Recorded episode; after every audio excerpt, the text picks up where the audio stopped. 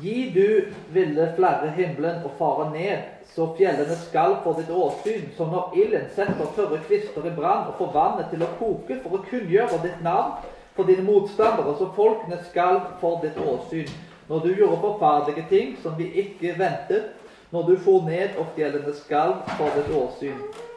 Fra gammel tid har jo ingen spurt eller hørt, og intet øye sett noen annen Gud enn deg gjøre slikt for dem som venter på ham. Du kommer dem i møte som gjør rettferdighet med glede, de som minnes deg på dine veier. Se, du ble vred for vi syndet. Slik var det fra gammel tid, og da kan vi da bli frelst. Vi ble som den urene, eller alle sammen. All vår rettferdighet ble som et urent klesplagg, som løvet visnet i alle sammen, og som vinden førte våre misgjerninger oss bort. Og det er ingen som påkaller ditt navn, som vanner seg opp til å holde fast ved deg. For du har skjult ditt åsyn for oss og overlatt oss til å tæres bort i våre misgjerningers vold. Men nå, Herre, du er vår far, vi er leire, og du er den som former oss. Et verk av din hånd er vi alle sammen. Herre, vær ikke så over alle måter vred, og kom ikke i hu misgjerninger til evig tid, men tenk på at vi alle sammen er ditt folk. Dine hellige byer er blitt en ørken. Sion er blitt som en ørken, og Jerusalem en ødemark. Vårt hellige og herlige hus, hvor våre fedre lovet deg, er blitt opprent av ild, og alt som, er, så alt som var vår lyst, er blitt til ruiner. Vil du tross dette holde deg tilbake, Herre? Vil du tie og trykke oss så tungt? Første Korinterbrev til brevet 2, 1-16. Og da jeg kom til dere brødre, kom jeg ikke med mesterskap i tale eller visdom da jeg forkynte deres Guds vitnesbyrd. For jeg ville ikke vite av noe annet blant dere uten Jesus Kristus og Han korsfestet. Jeg var hos dere i svakhet, under stor frykt og beven. Og min tale og min forkynnelse var ikke med visdoms overtalende ord, men med ånds og krafts bevis for at deres tro ikke skulle være grunnet på menneskelig visdom, men på Guds kraft. Likevel visdom, vi, sorry, likevel visdom taler vi blant de fullkomne. Men det er en visdom som ikke tilhører denne verden, eller denne verdens herrer, de som går til grunne. Nei, som et mysterium taler vi Guds visdom, den skjulte som Guds fra evighet av forut har bestemt til vår herlighet. Denne visdommen kjente ingen av verdens herrer, for hadde de kjent den, da hadde de ikke korsfestet herlighetens herre. Men som det står skrevet, det som intet øye har sett og intet øre hørt, og det som ikke kom opp i noe menneskers hjerte, det har Gud beredt for dem som elsker ham. Men for oss har Gud åpenbart det ved sin ånd. For ånden utforsker alle ting, også dybdene i Gud. For hvem blant mennesker vet hva som bor i et menneske, uten menneskets egen ånd som er i ham? Slik vet heller ikke noen hva som bor i Gud, uten Guds ånd. Men vi har ikke fått verdens ånd, men den ånd som er fra Gud, for at vi skal kjenne det som Gud i sin nåde har gitt oss. Og dette forkynner vi, ikke med ord med menneskelig visdom har lært oss, men med ord vi har lært av Ånden. Vi tolker åndelige ting med åndelige ord, men et sjelig menneske tar ikke imot det som hører Guds ånd til, for det er en dårskap for ham. Og han som ikke kjenner det, det kan bare bedømmes på åndelig vis. Den åndelige derimot kan dømme om alle ting, men om ham selv kan ingen dømme. For hvem kjente Herrens sinn, så han kunne undervise ham? Men vi har Kristi sinn. Hele Skriften er innåndet av Gud og nyttig til lærdom, til overbevisning, til rettledning, til opptuktelse i rettferdighet. Og det er altså folket som svarer dere for at Guds menneske kan være fullkomment, satt i stand til all god gjerning.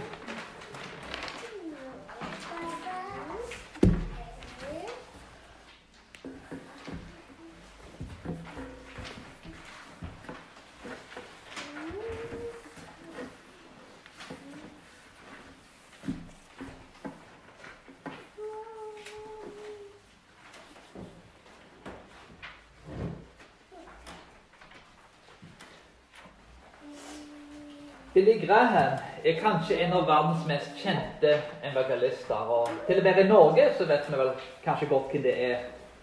Han har nådd ut til millionervis av folk og gjort mye godt.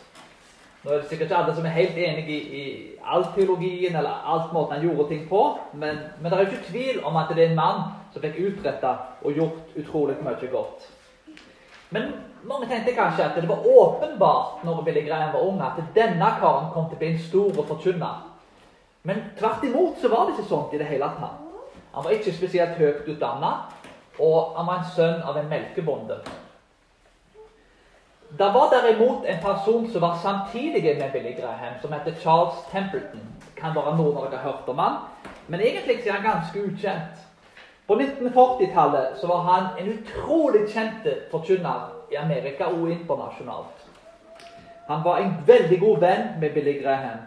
Og folk sa at Billy, blant Billy Graham og Charles Templeton at det var Charles Templeton som kom til å snu verden opp ned med forkynnelsen sin. Han var en mann som hadde en enorm karisma.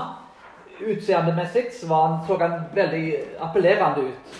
Han var en fantastisk flink forkynner. Hvis du ser i rene begavelse, så var denne mannen du tenker, han, han kommer til å bli en utrolig stor forkynner. Men det gikk ikke helt sånn som folk trodde.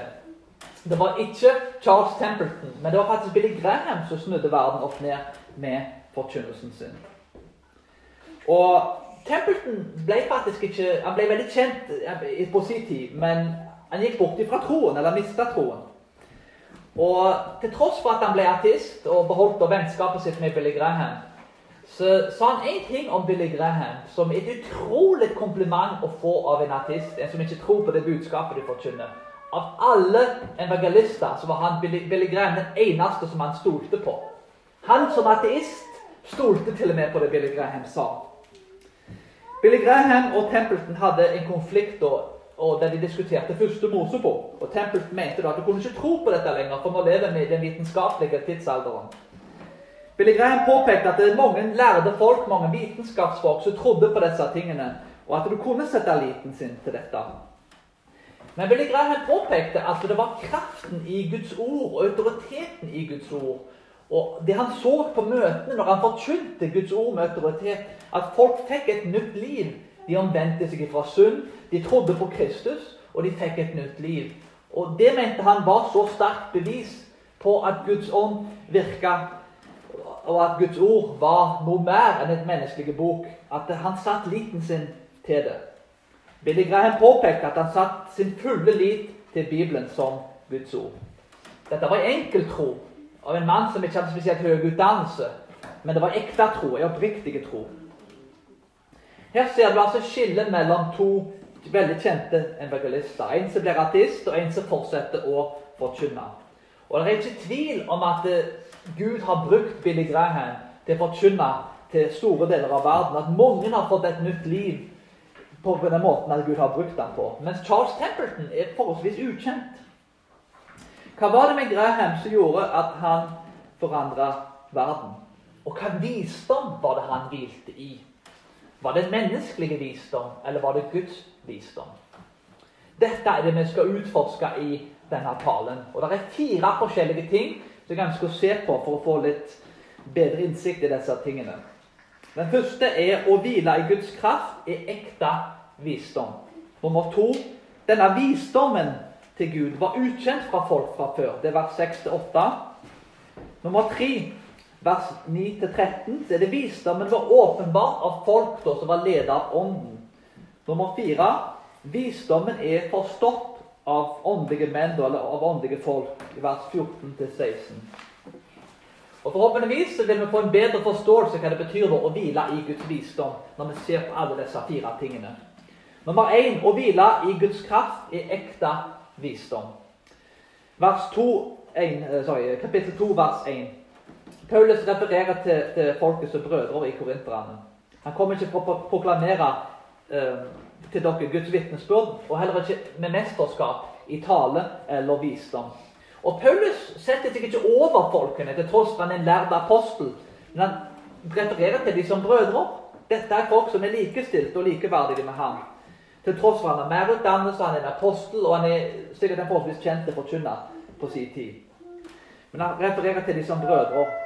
På samme måte som Jesus, som skapte universet ut av ingenting, kom ned og, og grilla fisk til sine egne disipler og vasket føttene deres, så likestiller Paulus seg sjøl med folket. Han kommer er blant folket. Han er ikke kommet for å herske over dem, men for å være en som står ved siden av dem og hjelper dem. Han refererer til Apostelens gjerninger kapittel 18, der han kom for å besøke dem for første gang. Det ser også ut som at Paulus har en referanse til den greske retorikken her, som han omtaler som noe negativt. For han vil stole på Kristus korsfesta og ikke på menneskelige ferdigheter. Og Det er utrolig viktig å huske på at Paulus er en ekstremt lærde mann. I dag hadde det vært en mann sannsynligvis med flere doktorgrader. Sannsynligvis et, et, en, en uhyre lynskarpe, altså en, en ufattelig intelligente mann. En mann som har en enorm lærdom både i jødisk og, og, og gresk tenkning.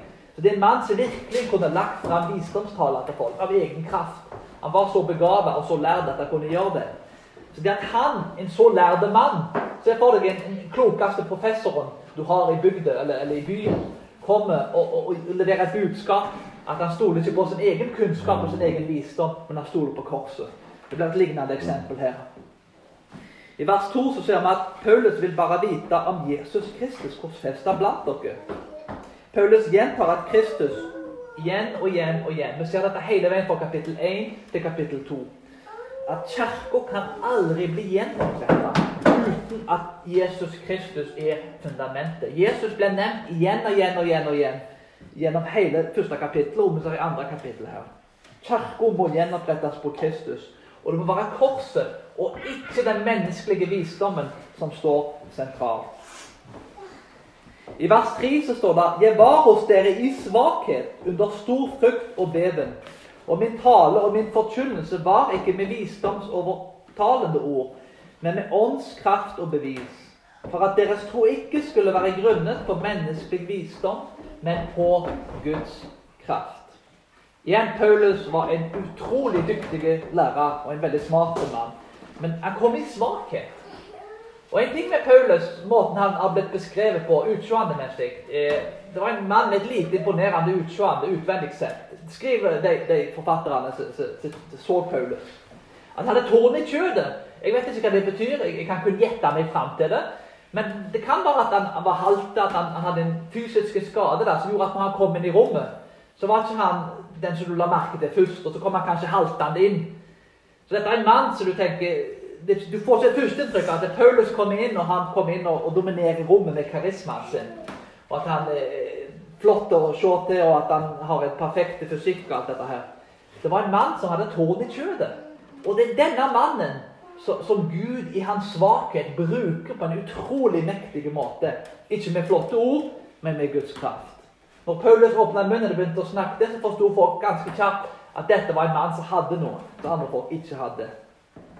I vers 5 for at, dere, for at deres tro ikke skulle være grunnet på menneskelig visdom, men på Guds kraft.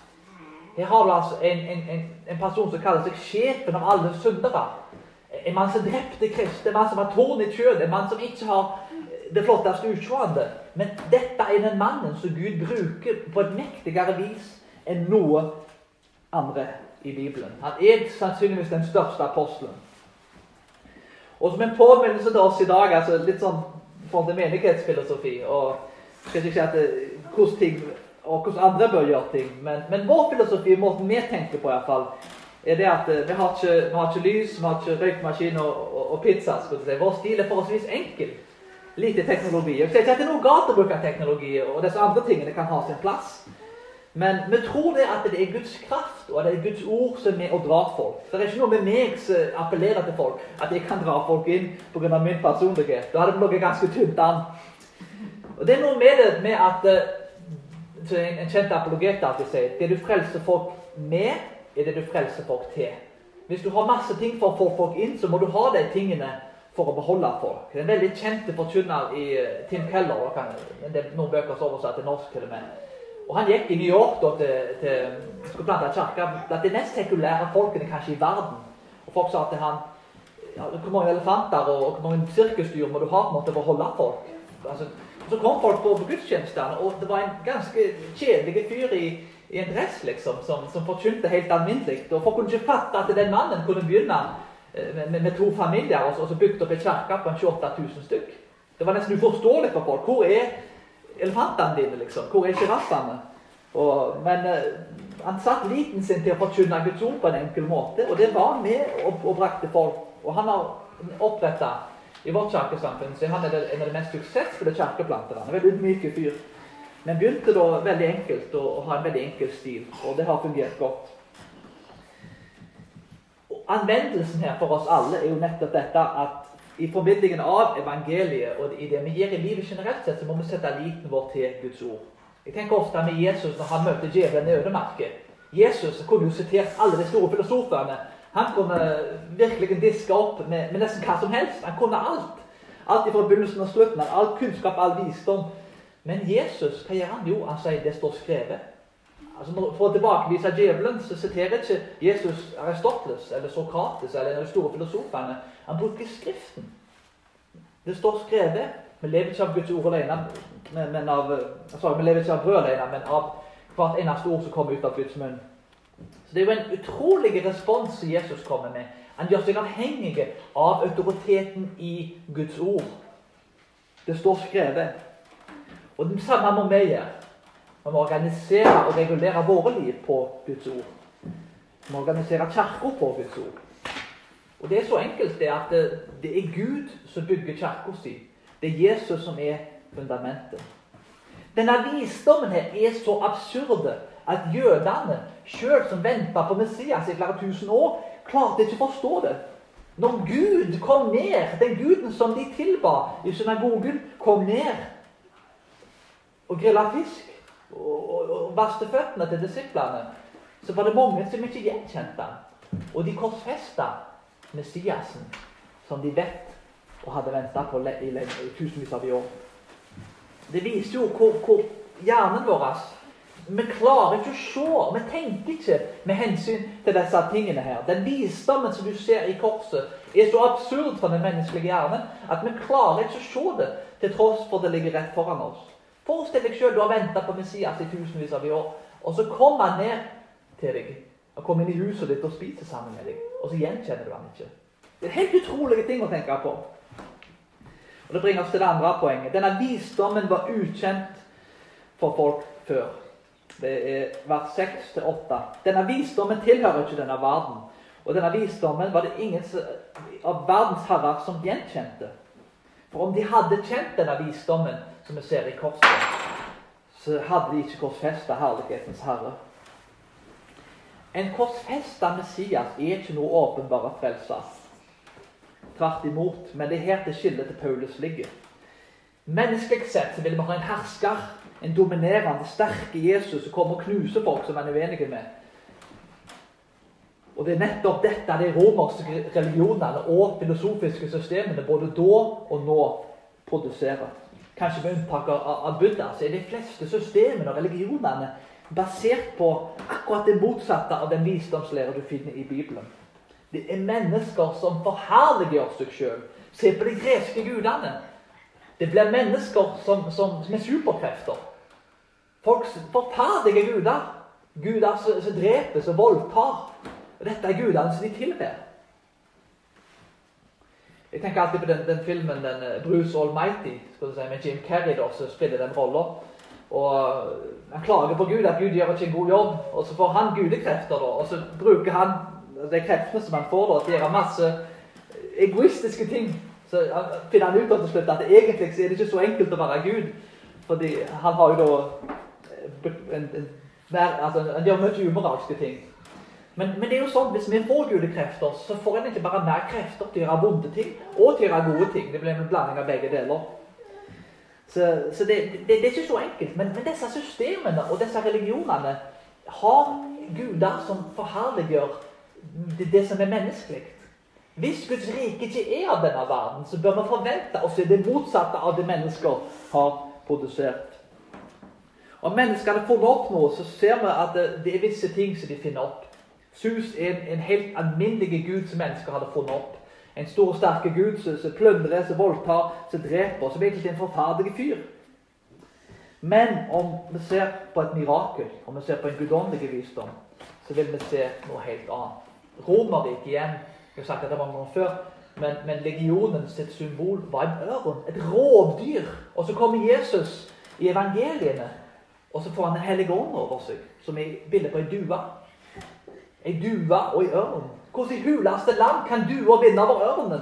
Altså, dua dør bare du klorer den. Det, det, det, det, er helt absurd at Romerriket, at ørnen, dette Romerriket skulle bli knust. Mens en korsfesta Messias, et symbol, en forbannelse Du, du korsfesta de verste folkene du fant. At dette var en religion som skulle spre seg og nå ut til to milliarder folk. Og at Norge i dag er blitt gjennomsyra av kristen tankegods, uavhengig av om du er ateist eller kristen eller hva du er. Du, er, du tenker kristen hvis du er norsk i dag. Og det gjelder jo i store deler av Vesten, og egentlig i noen land i øst nå. Ingen hadde gjetta det. Ingen kunne gjette at det korsfesta Messias. Du sparte korsfestelsen til den verste kriminelle du kunne finne. Romerne var veldig dyktige til én ting. Det var å torturere folk. De var helt fantastisk dyktige til å torturere folk. Det er en del skrevet om dette av forfatteren Tom Holland i den boken 'Dominion', som vil utforske dette her sjøl. Men det er en artist, en veldig kjent historiker, som, som, beskriver disse tingene bedre enn de fleste kristne kan gjøre. Denne visdommen er så absurd at du kunne ikke ha kommet på det på egen hånd. Denne visdommen var åpenbart av menn som var ledet av ånden, eller folk som var ledet av ånden. Vers 9-10 er det referanse til Jesaja 64,4. Så var en bønn der Gud må gripe inn i historien for de som trodde på ham. Disse tingene som ingen har sett, og er åpenbart av Guds ånd.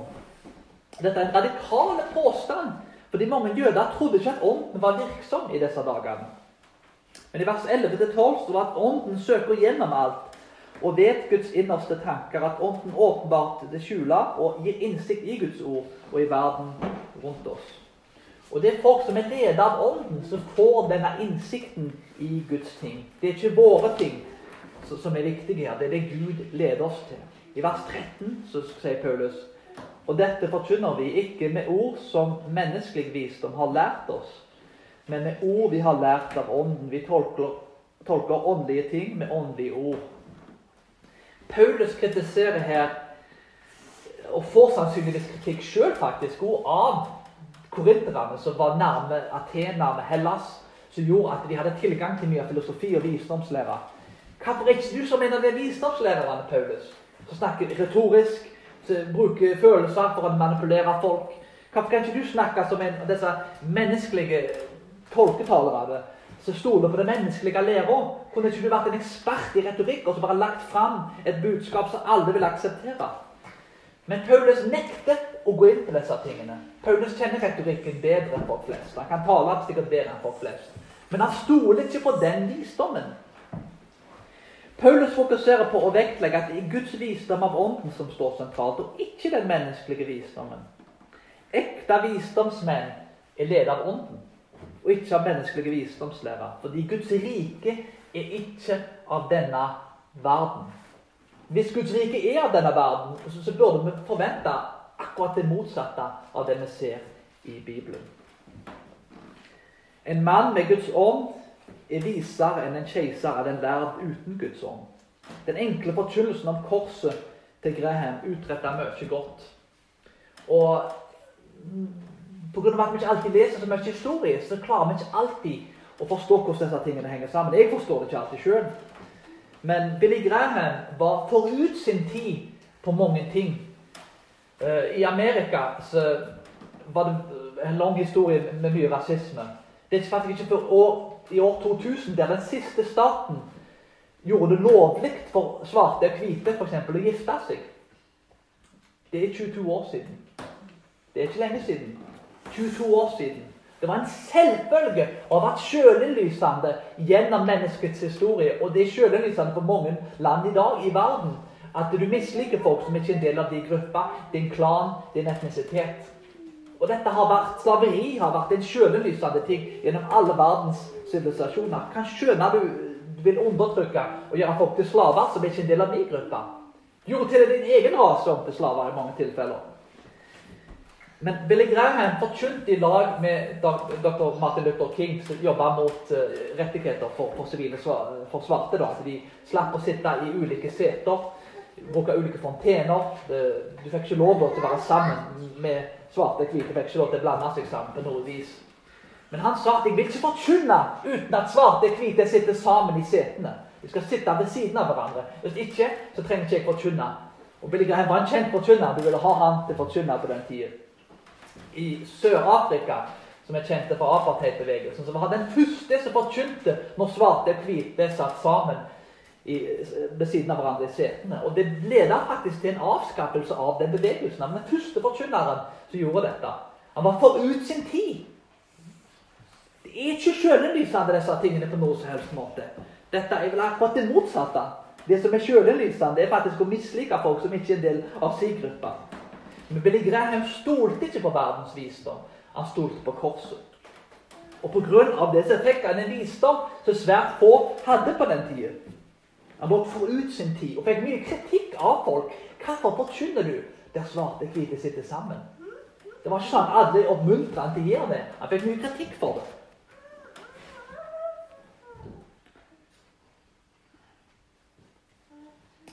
Hvordan kan vi få denne visdommen? Vi kan be til Gud i Jakobs brev 1,5. Be til Gud, og du skal få denne visdommen. Det er et løfte om det. Nummer to, ordspråkene og salmen sier den som frykter, frykter Å frykte Herren er begynnelsen til visdom.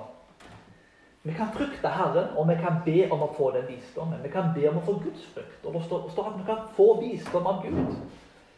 Jeg ber hver dag at jeg får visdom av Gud. Jeg vet at jeg kan ta veldig mange dumme valg og tenke mange dumme ting hvis ikke Gud gir meg en visdom, så jeg kan se ting på hans måte. Og Det bringer oss til det fjerde poenget. Visdommen er forstått av åndelige folk. Vers 14-16. Vers 14 så står det Men et sjelig menneske tar ikke imot det som hører Guds ånd til, for det er en dårskap for ham. Og han, og han kan ikke kjenne det. Det kan bare bedømmes på åndelig vis. Den kjedelige personen som tilhører den gamle tidsalder, blir satt i kontrast med den nye personen som hører nå til den, uh, denne tidsalderen. Han har fått Kristus ånd, og han har fått Den hellige ånd når han er i Kristus.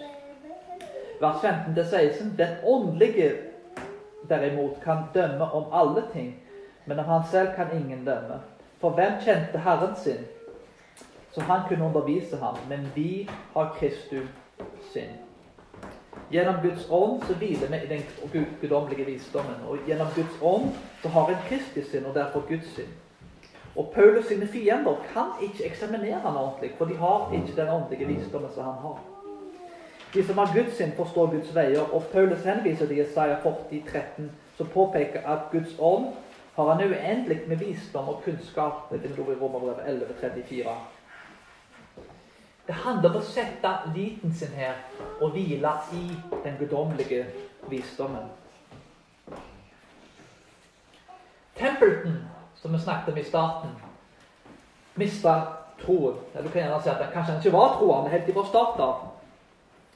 Denne fantastisk begava forkynneren som var på toppen av karrieren sin. Dette var en mann som alle ville ha, for han var så utrolig dyktig å forkynne.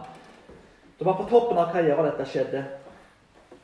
Problemet med Templeton var det at han hadde ikke lenger gode nyheter å dele til folk. Han hvilte ikke Guds visdom. Se for deg sjøl hvis Templeton skulle gått ut og delt et budskap. Livet har ingen mening. Vi blir om til støv når vi dør. Det er ikke vårt menneske som et utvikla dyr og ikke har menneskeverd. Og objektiv moral og rett og galt finnes ikke. Dette kan du finne faktisk hos sekulære, kjente artistiske tenkere, som, som jeg ofte leser så bekrefter disse tingene. Hvis du fjerner Gud, hvis du fjerner disse tingene, så sitter du igjen med dette her. Dette er ikke gode nyheter. Det er en parodi på YouTube om uh, to artister som går i Salt Lake City da, og skal forkynne et budskap til mormonere. Og det går og banker på døra. Det er en parodi der, så de mente var en veldig morsom ting. En veldig god parodi, etter min mening. Men de har på seg et hvite skjorte, et skilt, og så går de rundt og banker på dørene. da. Så jeg husker helt greit, det var en stund siden jeg hørte det. Så sier de da at Ja, vet du hva? Der er, livet har ikke mening. Der, der, er, der, er, der, er ikke, der er ikke moral, der er ikke menneskeverd. Og vet du hva? livet ditt er totalt uten mening. Er det ikke fantastisk? Skikkelig sånn sarkastisk ment. Men det er jo nettopp dette her at Tempelsen hadde ikke et godt budskap å dele til folk. Derfor var det ikke noe vits for han å reise rundt og forkynne. For evangeliet er gode nyheter. Og en trenger et godt budskap, en trenger gode nyheter som kan forandre verden. Som kan forvandle verden. Billy Graham derimot trodde på Kristus. Han trodde at Gud kom ned for å dø for oss. I motsetning til alle andre religioner, der du må gjøre ting for å få rettferdighet hos Gud, så var det Gud som kom ned og ga sin rettferdighet. Vi trenger å vende oss og tro evangeliet, så vil vi bli frelst. Billy Graham hadde et budskap, og Paulus hadde et budskap. Så går tilbake til Jesus. Livet har en mening, og det er tjener universets skaper. Du er skapt i Guds bilde og er verdifulle. Og det er også et grunnlag for å jobbe imot rasismen, annet, som du så i Amerika spesielt. Vi har et håp i Kristus. Det er grunnlag for objektiv moral, og rett og galt eksisterer faktisk.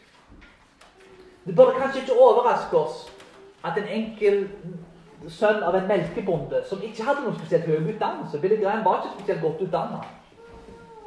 Har nådd ut kanskje til flere folk med evangeliet, og folk har vitna verden rundt over at de har blitt forvandla av hans budskap. Han ble faktisk invitert inn under kommunistjernteppet i Russland til å forkynne i et hardbarka artistisk land. Mange liv har blitt forvandla som et resultat av måten han forkynte på. Og han har også vært veldig involvert i sosiale prosjekter som har vært, har vært forut sin tid. For han hadde en visdom som mange folk ikke hadde. Mens Tempelsen derimot forble en ukjent person. Som, som ikke da fikk forvandla verden kanskje på den måten som Gud hadde tiltenkt ham til å gjøre. Tempelsen stolte på verdens visdom. Han stolte ikke på Guds visdom. Mens Billy Graham hvilte i Guds visdom. Han hvilte i korset. Og resultatene ble deretter. Uavhengig av en enige, eller om en, en liker eller ikke liker Billy Graham, så er det ikke tvil om at han har fått utretta veldig mye godt. Han utretta så, så, mye godt at til og med Tempelsen sjøl, som ateist, sa han er en fantastisk fyr. Han stoler på. Jeg stoler ikke på noen andre vokalister, men han stoler på. Og jeg tror det er oppriktig Grunnen til dette er at Billy Graham kjente til det vi ser i Korinterbrevet i kapittel 1 og kapittel 2 her. At det er i korsets visdom som må vi hvile i. Når en gjør det, så kan Gud bruke han til å utrette store ting. Det blir mer av Gud og mindre av oss. Mindre av Graham, mindre av meg og mindre av alle andre. For vi setter vår lit til korsets visdom.